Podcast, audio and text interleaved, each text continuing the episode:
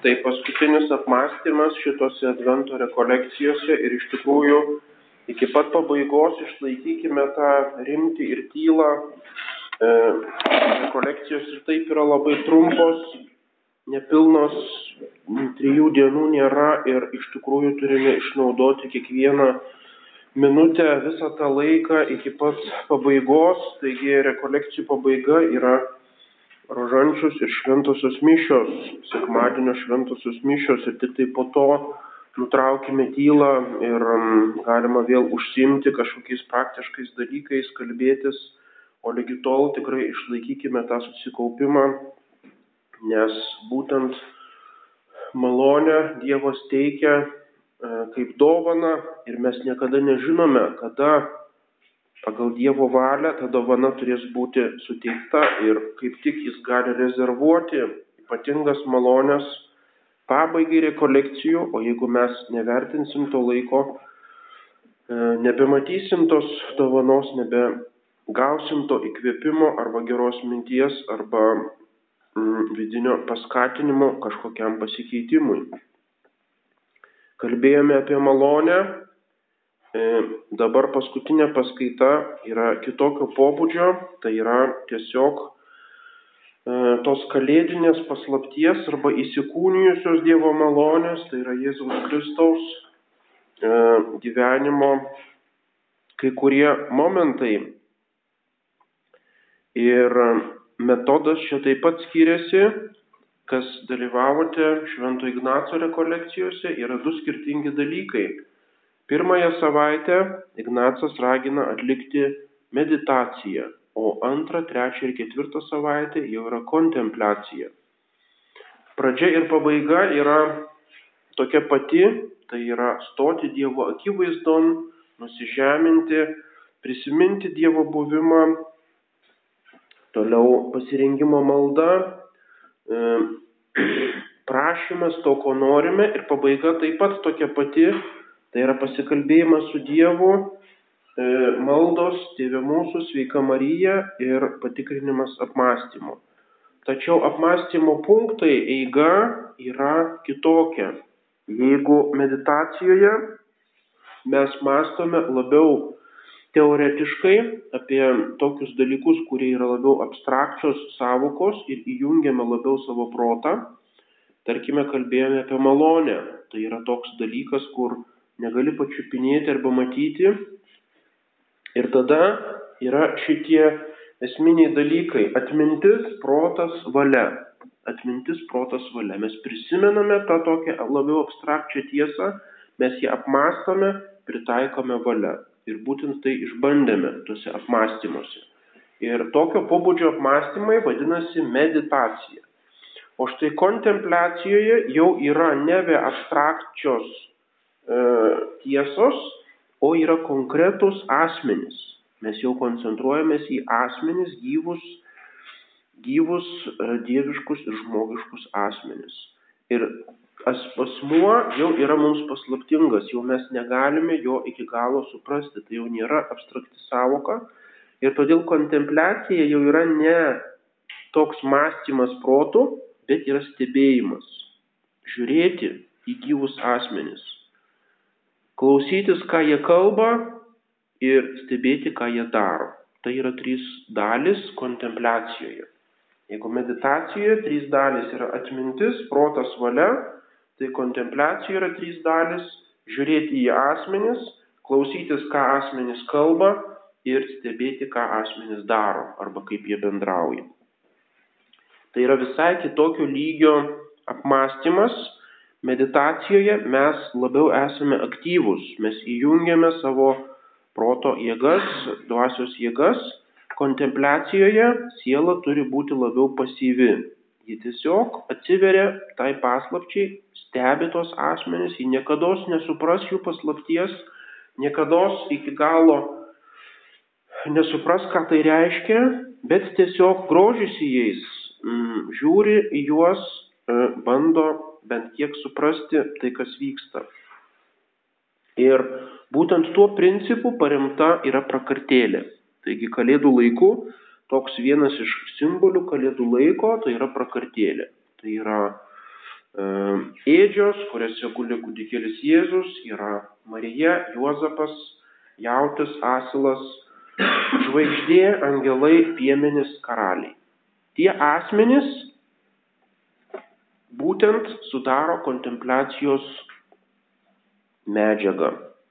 Ir tai yra kalėdų kontempliacijos dvasia, kad mes tiesiog suklumpam prie prakartėlės ir žiūrim į tos asmenys, į jų tarpusavį ryšius, ką jie kalba, kokioje dvasioje jie gyvena, koks yra jų bendravimas, kaip tie visi asmenys, kaip tokios planetos sukasi aplink tą centrinį punktą, tas ėdžias su kūdikėliu Jėzum ir taip toliau. Tai yra kontempliacija. Reiškia, meditacijoje mes veikiame labiau kaip racionalų suaugę žmonės, o kontempliacijoje reikia grįžti prie tam tikros vaikiškos dvasios. Vaikams kontempliacija sekasi lengviau, galima sakyti, paprasčiausiai žiūri. O mes iš karto teoretizuojame, mes bandome kažką paaiškinti, mes pastatome tokią sieną iš savo svarstymų tarp tų paslapčių ir savęs ir tada mums sunku kontempliuoti.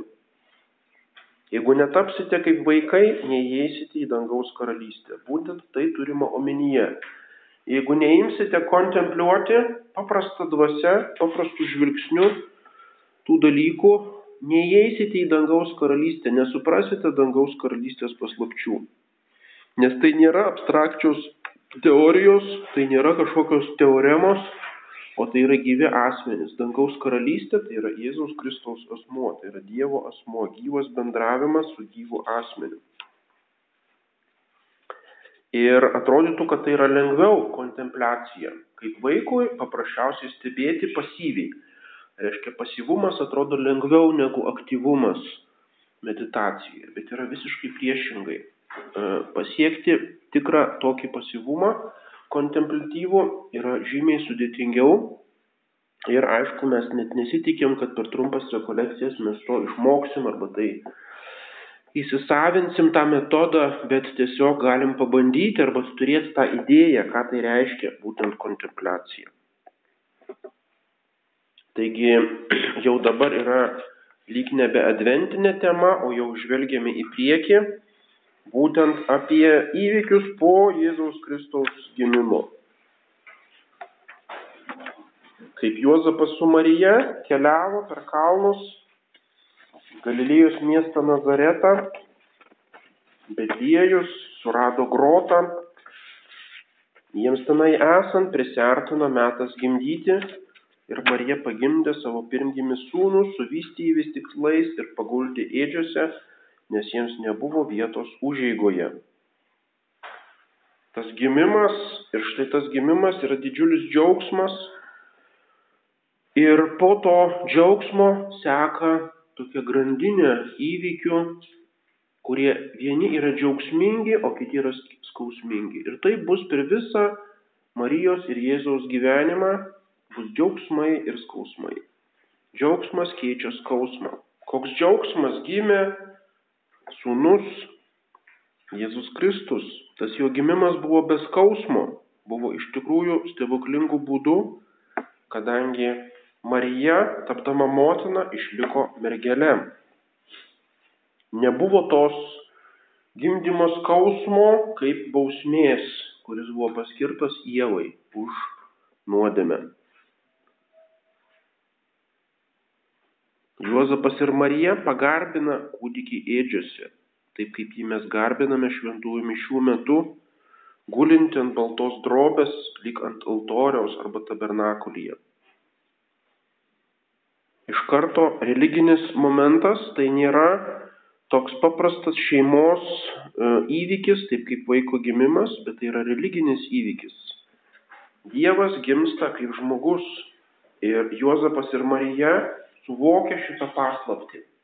Nors ir miglotai, nors ir palaipsniui jiems atskleidžiama tai įsikūnymo paslaptis, tačiau jie suvokia, kad tai yra būtent to angelo apsireiškimo, Dievo apreiškimo pasiekmė ir kad tas kūdikis nėra paprastas e, vaikelis. Toje apylinkėje, tai yra Luko Evangelija, antras skyrius, Toje apylinkėje nakvojo laukose piemenys ir pakaitomis būdėdami sergėjo savo bandą. Naktis piemenys su gyvuliais turi saugoti juos naktį laukose nuo plėšrūnų, vilkų, nuo plėšikų, būdėdavo, sėdėdami prie laužo. Ir todėl piemenis buvo niekinamas fariziejų luomas, kadangi ilgai gyvendamas su gyvuliais, tu supanašėjai su gyvuliais. Reiškia, tie piemenys buvo tokie niekinami primityvūs, necivilizuoti žmonės, kurie visą laiką laukose kažkur tai ir jie neturi laiko ateiti į miestą, neturi laiko ateiti į šventyklą, melstis, atlikti visas tas apeigas ir ceremonijas Seno testamento, laikytis visų švarumo taisyklių įstatymo raidės. Ir todėl tai yra labiausiai paniekintas toks luomas fariziejų niekinamas. Reiškia, pirmiausia, Dievo paslaptis apsireiškia tiems, kurie yra toliausiai, tiems, kurie yra mažutėliai, kurie yra toje tamsoje, Nakties tamsa simbolizuoja dvasinę tautą. Izaijas 9 skyrius tauta gyvenusi tamsoje išvydo didžią šviesą, gyvenusiems nevilties šešėlyje užtikėjo šviesybė. Tai yra Izaijo pranašystė.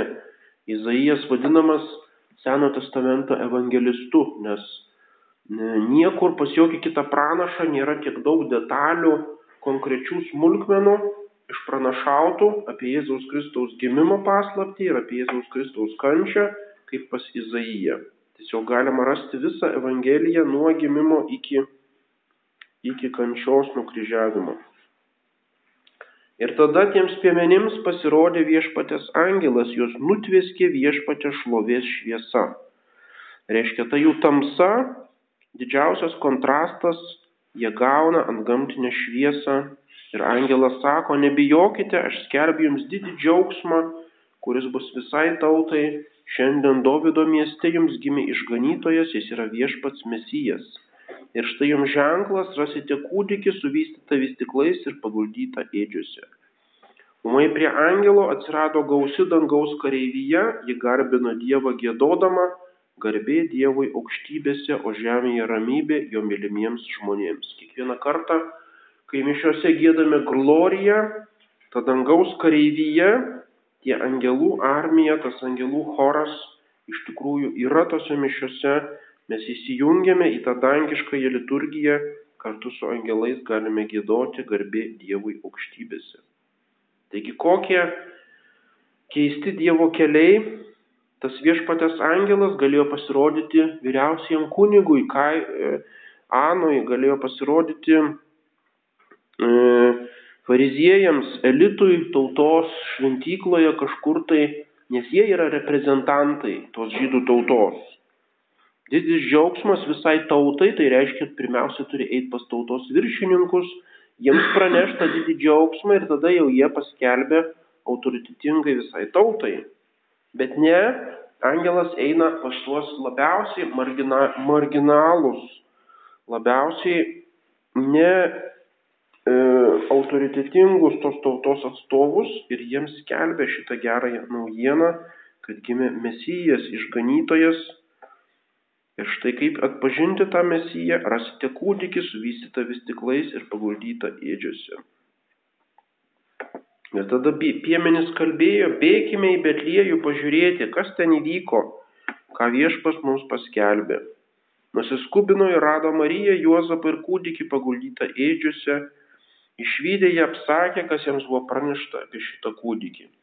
O visi žmonės, kurie girdėjo, stebėjosi piemenų pasakojimu.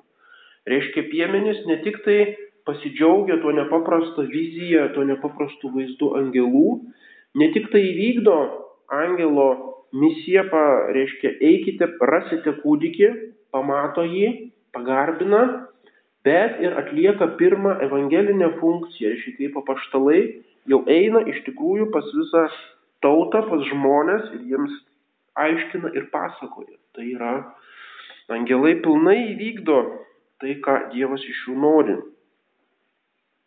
Tai yra kaip toks ženklas visiems, kad net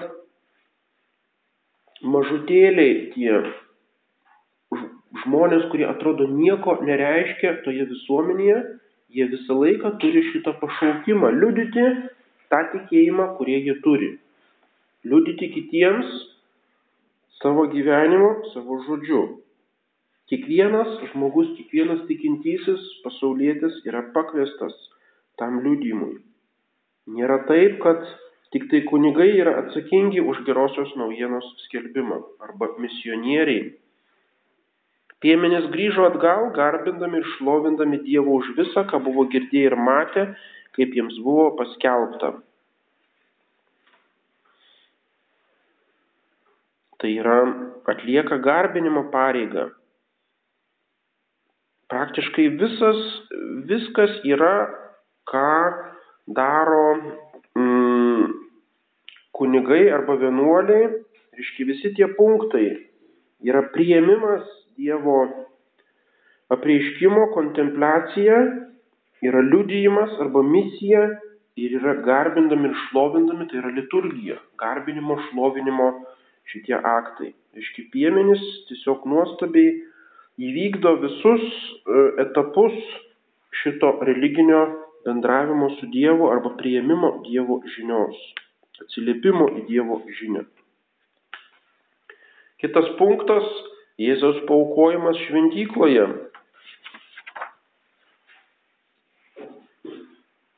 Praėjo 40 dienų, Betliejuje reikėjo ilgokai laukti, kol prieis eilė užsirašyti, nes tam jie ir atvyko į Betliejų, kad įvykdytų imperatoriaus Augusto įsakymą užsirašyti tame gimimo mieste Betliejuje, o Betliejus yra netoli Jeruzalės, reiškia, jie dažnai iš Betliejaus keliaudavo į Jeruzalę. Ir štai praėjus 40 dienų pagal Dievo įstatymą naujagimi reikėjo paukoti Jeruzalės šventykloje.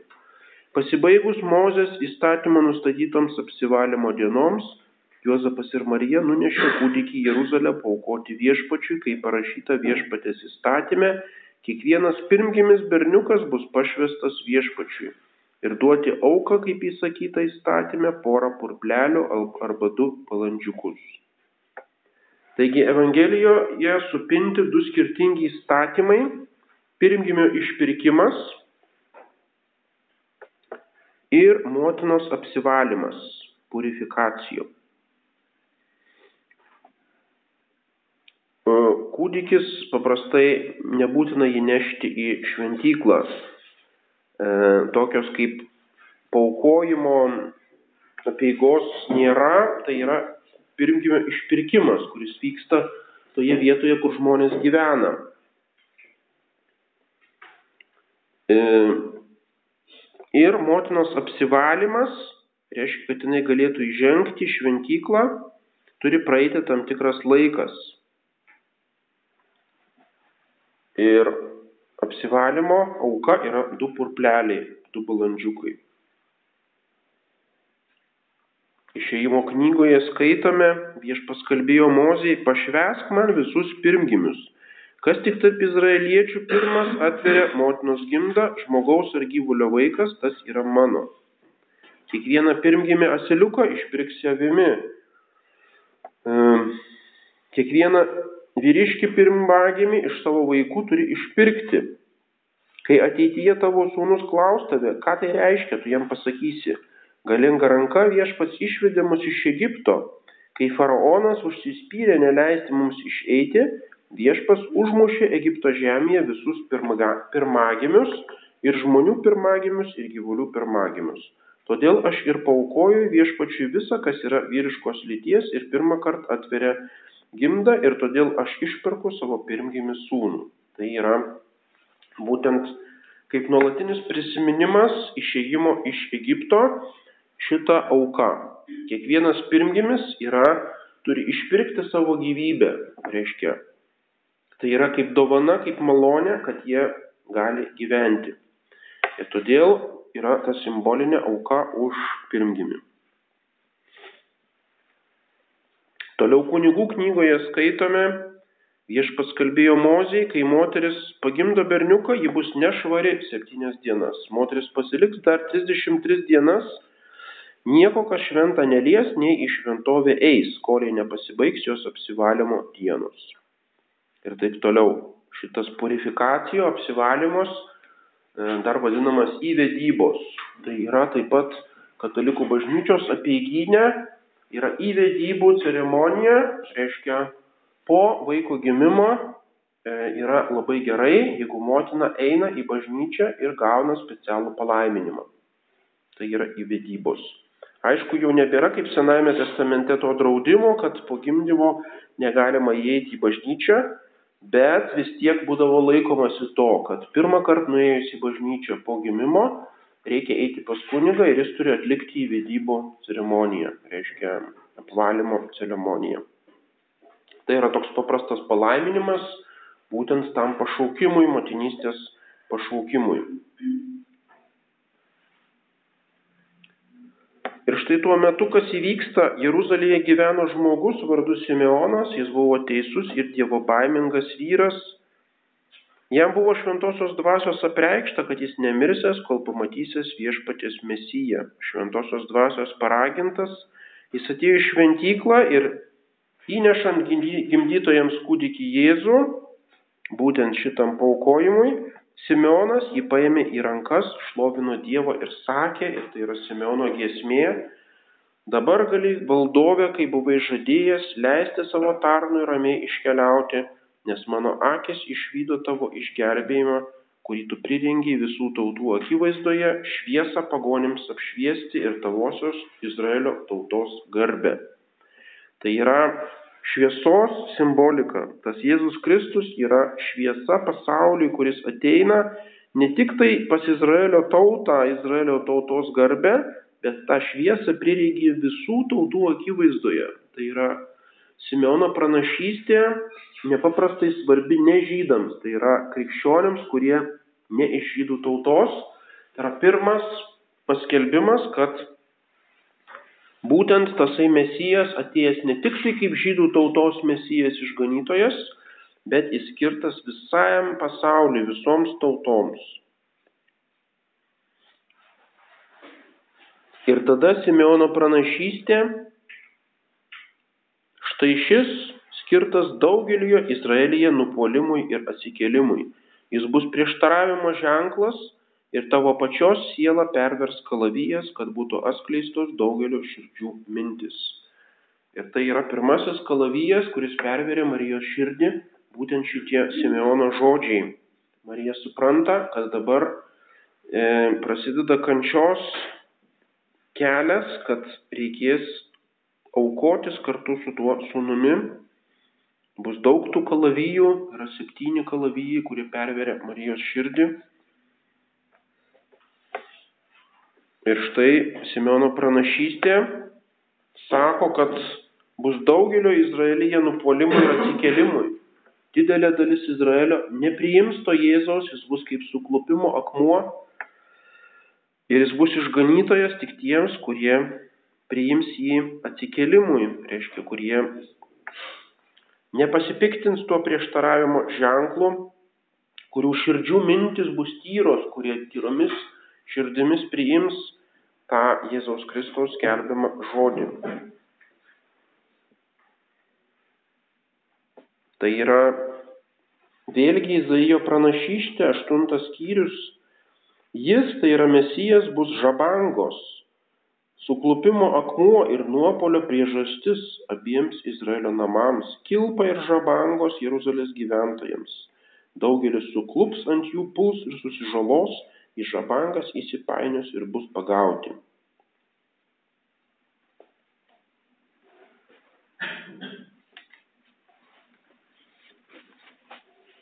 Ten buvo ir pranašė Ona.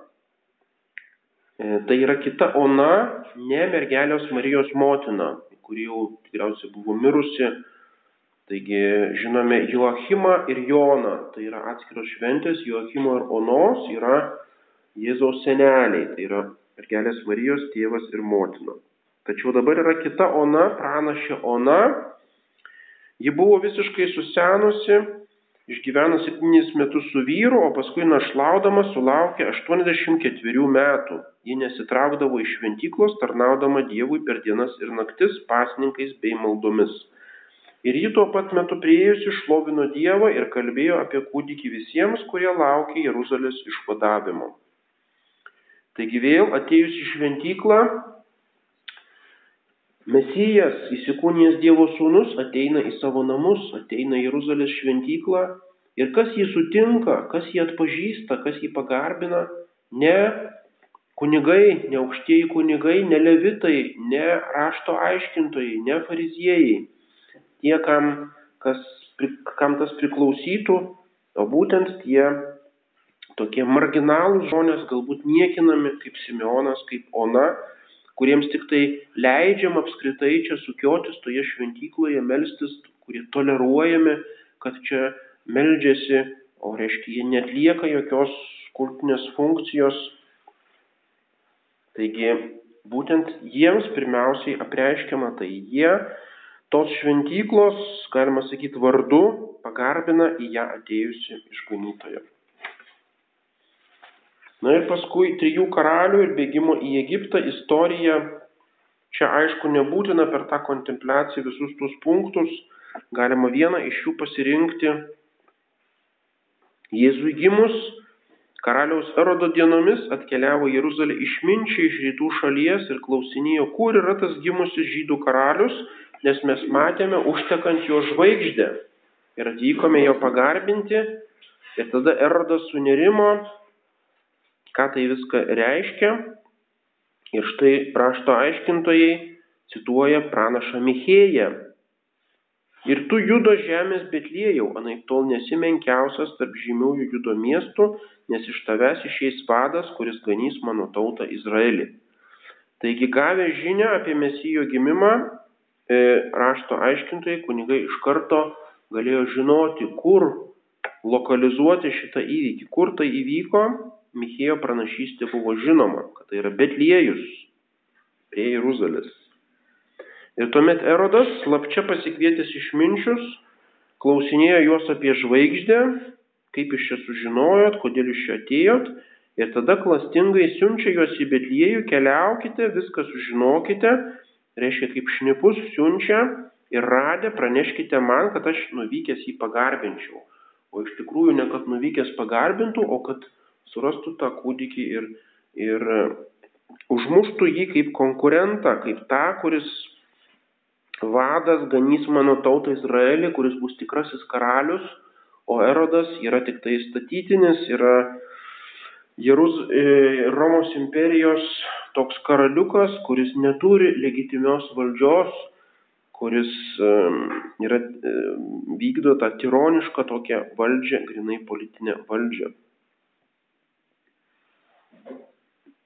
Taigi vietoj to, kad iš tikrųjų nuvykę pagarbintų, taip kaip tai darė piemenis, tie visi fariziejai, rašto aiškintų ir erodas, jie visiškai nesiskubina į tą bitliejų, o jie tik tai iš karto rezgia planą, kaip atsikratyti nuo to mesijau.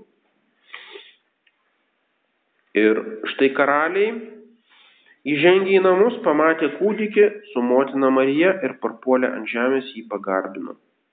Paskui jie atidengė savo brangenybių dėžutes ir davė jam dovanų aukso, smilkalų ir miros.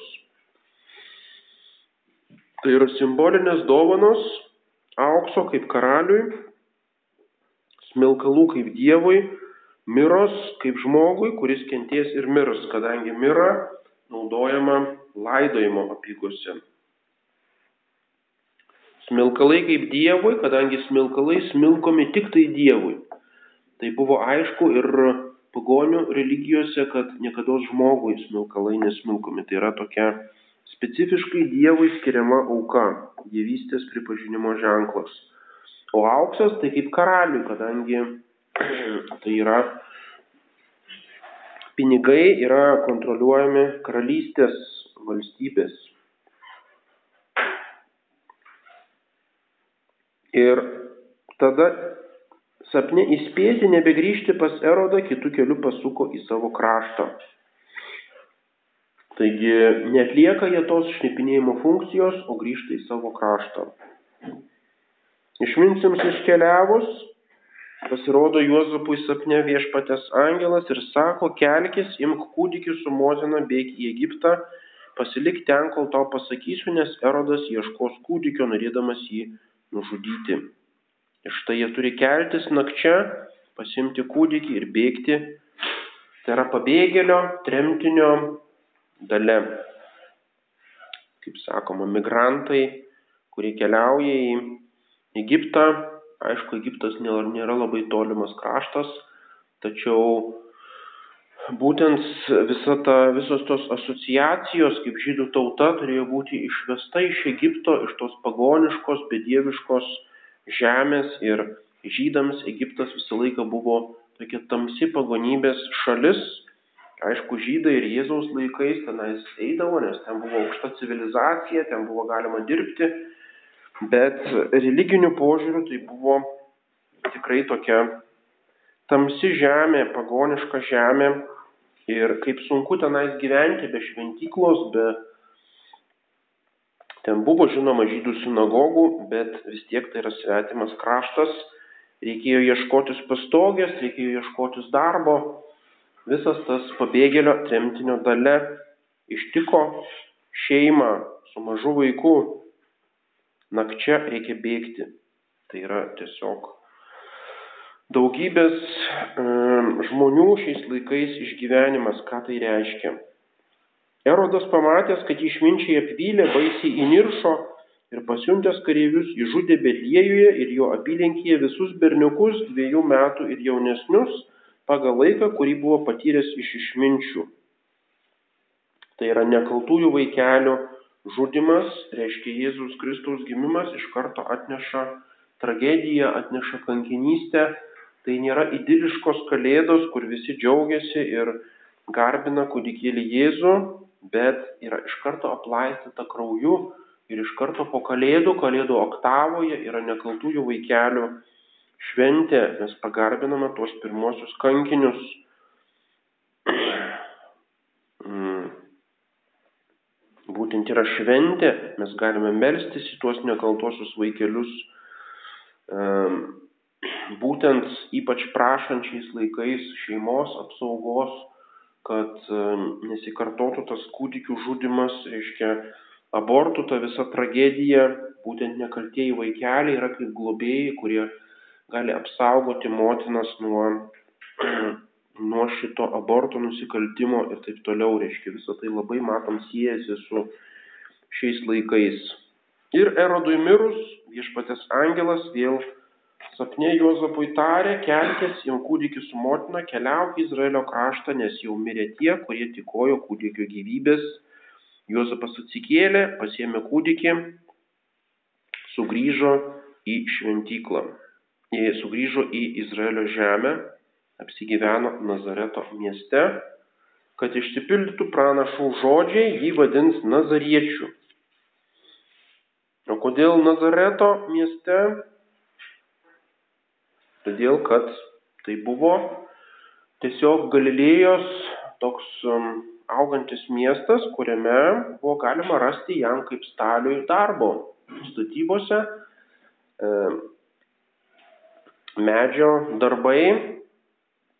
Mm, reiškia, Nazarete buvo daugiau galimybių dirbti, tiesiog tas praktinis klausimas ir todėl šventoji šeima apsigyveno Nazarete, Nazareto nameliai taps Jėzaus Kristus vaikystės namais. Taigi tai yra daugybė temų, daugybė įvairiausių aspektų, daugybė detalių. Tie pirmieji skyriai iš Luko Evangelijos, Mato Evangelijos apie tris karalius. Ir aišku, viso to per vieną kontempliaciją neįmanoma. Tiesiog tai yra kaip paskatinimas, ypač advento laikų, kalėdų laikų, atsiversti Evangeliją, atsiversti pirmosius tuos skyrius Luko ir Mato Evangelijos Kiekvieną žodį atskirai paskaityti, taip pat Biblijose visur yra nuorodos, reiškia kursyvų ir mažomis raidelėmis parašyta nuoroda į Senąjį testamentą. Kadangi išsipildė daugybė pranašyšių iš Izaijo, iš Michėjo, kaip matėme, Ir galima nepatingėti atsiversti Senąjį testamentą ir perskaityti tas pranašystės, kaip jos tiksliai išsipildė to, toje gimimo istorijoje. Tai būtent ir yra toks pamaldus mm, šventojo rašto skaitimas, vienas iš svarbiausių elementų e, tokiame reguliariame dvasinėme gyvenime. Taigi dabar turime šiek tiek laiko, galima ramiai atlikti šitą kontempliaciją Kas nori, bus galimybė atlikti išpažinti dar e, nuo 9 valandos, paskui 9.30 bus rožančios, šventosios mišios ir rekolekcijų pabaiga.